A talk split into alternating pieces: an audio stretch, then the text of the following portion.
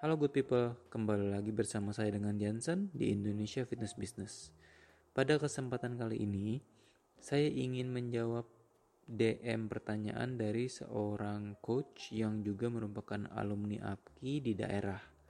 Dia baru saja membuka suatu fitness studio yang bergerak di bidang personal training service.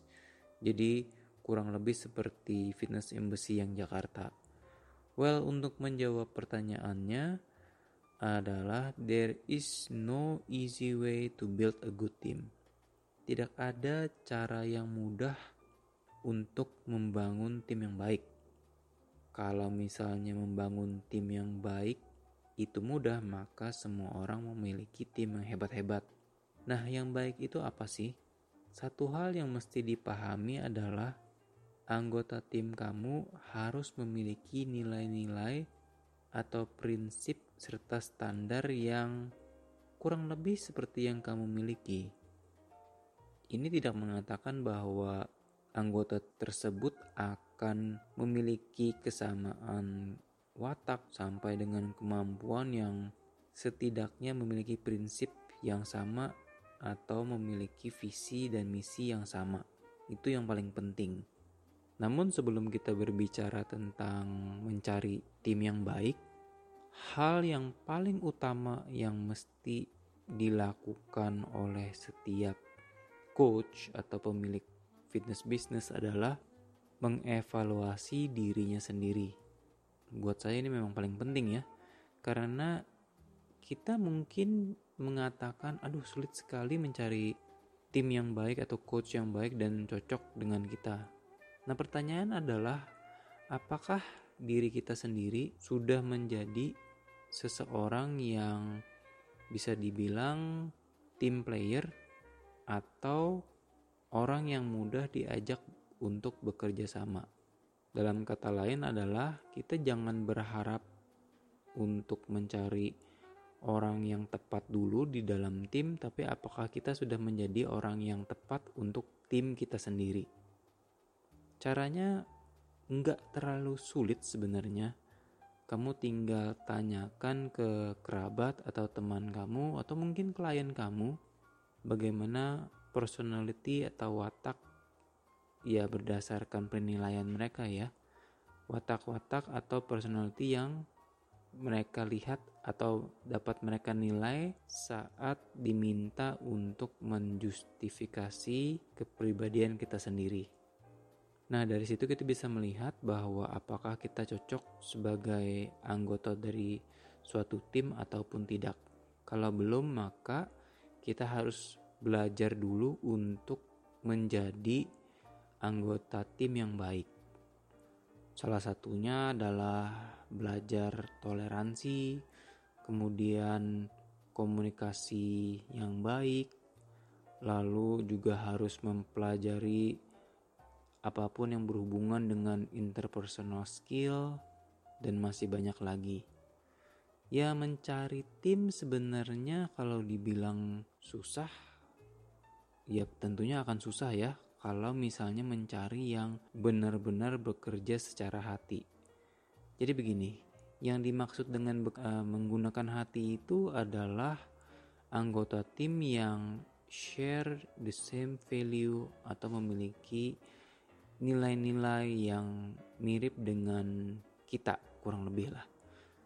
Ya kalau misalnya kita let's say open interview untuk mencari tim atau coach yang mau bekerja di tempat kita itu bisa dibilang cukup gambling ya.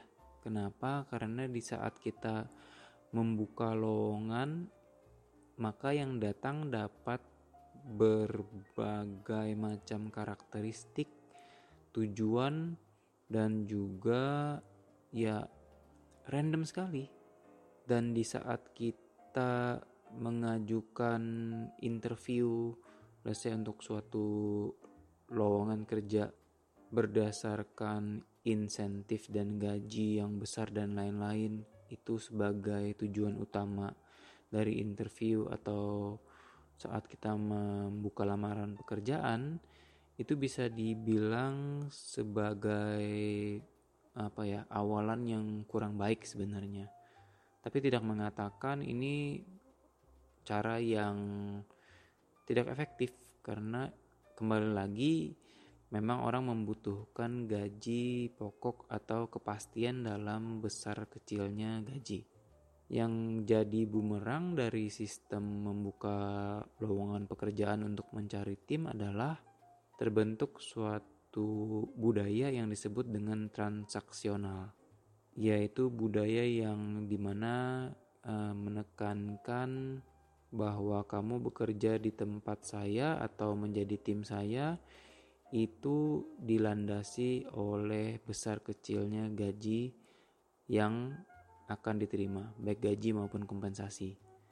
Seperti yang saya jelaskan tadi, ini tidak salah, tetapi untuk membangun tim yang baik ini masih bisa dibilang gambling, karena belum tentu orang yang kita rekrut tersebut bisa memiliki value maupun mission yang sama. Nah, PR-nya adalah di saat di depan sudah transaksional, maka yang harus dilakukan yaitu pelatihan dan tentunya interview secara psikologis untuk mengetahui minat dan bakat dari calon anggota tim kita tersebut. Tetapi berdasarkan pengalaman yang saya jalani, saya jarang sekali membuka lowongan pekerjaan untuk menghindari uh, transactional culture atau menciptakan image bahwa bekerja atau bergabung dengan tim saya itu hanya dinilai berdasarkan dari besar kecil gajinya saja. Mungkin hal yang dapat kamu pertimbangkan adalah daripada membuka lowongan pekerjaan untuk mencari coach yang baik, mencari rekomendasi dari teman-teman maupun keluarga yang mungkin mengenal seorang coach. Dari situ kamu bisa mengajak untuk bertemu dan juga ya sedikit banyak berbincang dan mengetahui satu sama lain watak watak dari calon rekan kerja kamu. Jadi ya sama saja seperti kita mengatakan bahwa ada lowongan pekerjaan tetapi tidak terang-terangan lah. Nah, saat bertemu dengan let's say calon dari anggota tim kamu yang wajib kamu sosialisasikan di depan adalah kamu harus menjelaskan visi, misi serta culture yang akan kamu bangun atau yang kamu punya di tempat usaha kamu, atau paling tidak mereka memiliki gambaran seperti apa kamu membangun suatu tim. Ini penting banget karena untuk menyamakan visi dan misi di depan, sehingga mereka juga tahu nilai-nilai yang mendasar dari hidup kamu atau perusahaan yang sedang kamu bangun. Namun kalau berbicara tentang gaji, kamu harus menjelaskan di depan dulu angka yang reasonable, yang masih masuk akal dan setidaknya sesuai dengan UMR dari masing-masing daerah. Kalaupun misalnya gaji pokoknya di bawah UMR, pastikan komisi yang diberikan masih reasonable, kemudian mereka memiliki masa depan lah yang dapat mereka lihat saat menjadi anggota tim kamu. Berdasarkan pengalaman saya sendiri, memang mencari tim itu sebaiknya ya tidak boleh memiliki kepribadian yang mirip justru dengan kita tim yang bagus itu justru harus memiliki keberagaman, baik secara sifat dan watak maupun kemampuan yang mereka miliki. Tujuannya adalah da dalam membangun suatu tim yang berisikan berbagai coach, kita harus mampu mencari atau melihat diversifikasi tersebut karena klien yang akan kita hadapi juga berbeda-beda. ada yang cocok dengan kamu, ada yang cocok dengan tim kamu. Jadi memang harus berbeda-beda secara skill maupun sifat. Tapi kalau misalnya boleh dibandingkan antara skill hard skill terutama ya dengan watak atau personality yang lebih penting adalah watak dulu. Karena yang namanya skill, terutama yang praktikal, itu bisa diajarkan. Sedangkan watak itu kebanyakan sulit untuk dirubah. Itulah kenapa sebelum kamu merekrut seseorang ke dalam anggota tim, perlu ada tahap-tahap penjajakan, ya kurang lebih seperti pacaran lah. Pacaran itu kan sebenarnya tahapan penjajakan sebelum ke jenjang yang lebih serius. Jadi kita harus melewati tahapan tersebut. Ini bukan literally berpacaran ya, tapi memang harus ada tahapan penjajakan. Tahapan penjajakan ini yang biasanya disebut oleh perusahaan sebagai fase probation.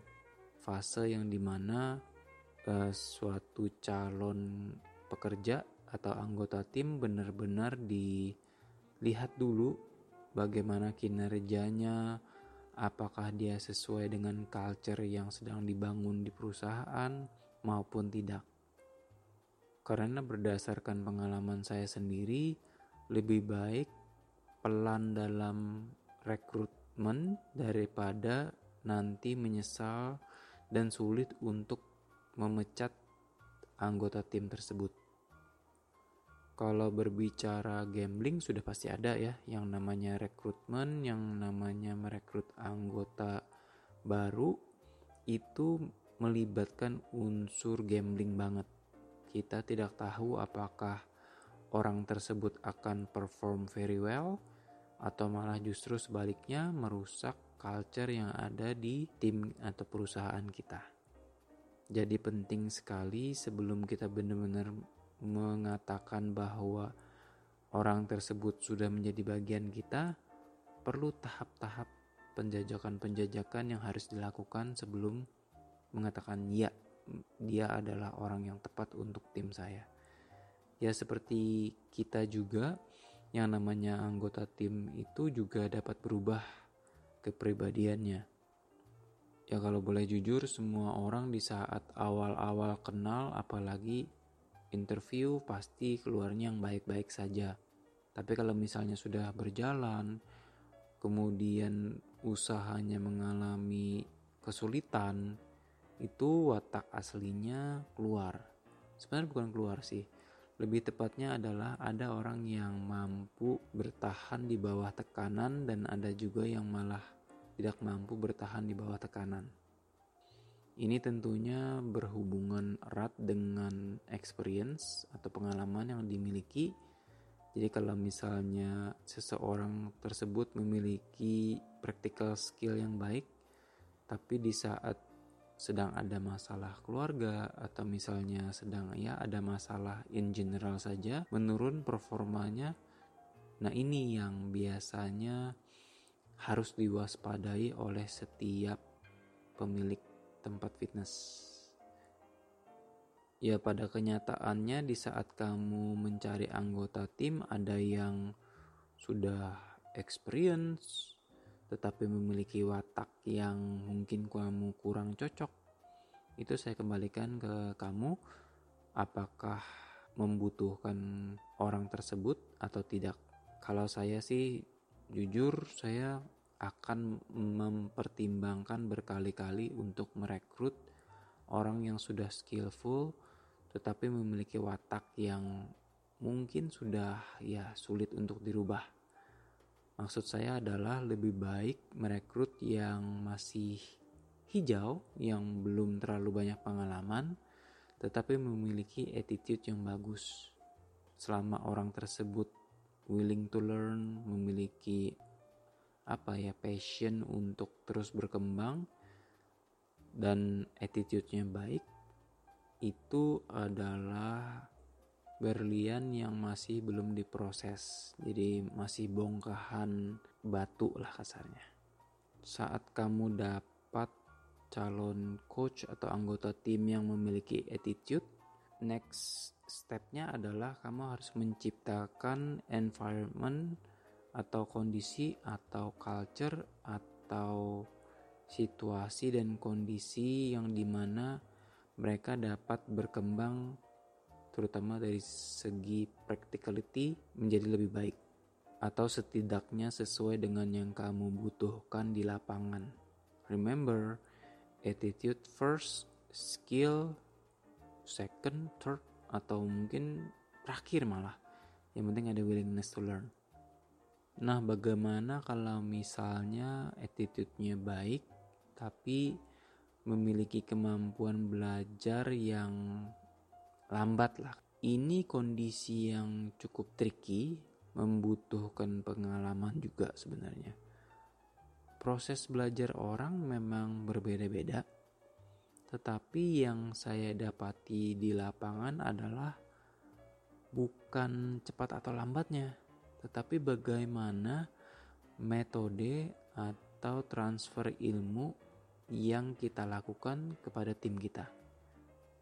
Itulah kenapa kita harus memahami mereka dengan baik dulu, bagaimana style belajarnya yang cocok. Bahkan sering kali mereka tidak tahu. Mereka lebih cepat belajar kalau misalnya dengan cara A atau B. Makanya harus ada yang namanya tahap penjajakan sebelumnya. Dalam proses pelatihan masih dalam ya menanamkan prinsip-prinsip yang sesuai dengan perusahaan atau tim yang ingin kamu bikin. Kemudian mereka melakukan kesalahan. Saya rasa salah satu syarat yang harus dimiliki oleh kita adalah mau berbesar hati saat melihat seseorang melakukan kesalahan. Karena seperti kita juga, anggota tim lain juga adalah manusia yang tidak luput dari melakukan kesalahan. Selama tidak fatal, menurut saya ya tidak perlu terlalu berlebihan juga. Jadi kesimpulan yang dapat saya berikan tentang membangun tim yang baik adalah benar-benar membutuhkan proses mungkin kamu akan mendapatkan the right one dalam waktu yang dekat atau mungkin memakan waktu yang cukup lama. Kuncinya adalah selama kamu terus mencari dan menciptakan tempat di mana orang-orang yang mungkin skillnya dan attitude-nya kamu butuhkan, itu mereka akan datang dengan sendirinya. Dengan sendirinya ini bukan berarti kita cuma diam saja, tapi kita juga proaktif dalam mencari anggota tersebut. Seperti yang saya jelaskan di awal-awal, kalau eh, kalau misalnya membangun tim itu gampang, maka semua orang memiliki tim yang hebat-hebat. Itu challenge-nya. Nah, challenge di setiap bisnis itu adalah menemukan the right person at the right place. Jadi sebelum kamu mencari orang yang tepat, orang-orang yang kamu butuhkan, saran saya adalah ciptakan dulu tempatnya yang memang mereka butuhkan juga. Tempat yang di mana mereka juga bisa berkembang, berkreasi, dan juga setiap orang tuh memiliki mimpinya masing-masing. Apakah tempat atau culture atau sesuatu yang kamu bangun tersebut dapat membantu mereka untuk mencapai atau setidaknya mengarahkan mereka ke dreams atau mimpi-mimpi yang ingin mereka capai. Nah, itu cara yang paling efektif ya, bukan gampang, paling efektif untuk membangun a very good team. Semoga penjelasan saya dapat memberikan pandangan baru terhadap kamu Terima kasih atas waktunya yang kamu berikan untuk mendengarkan podcast ini. Sampai jumpa di episode berikutnya.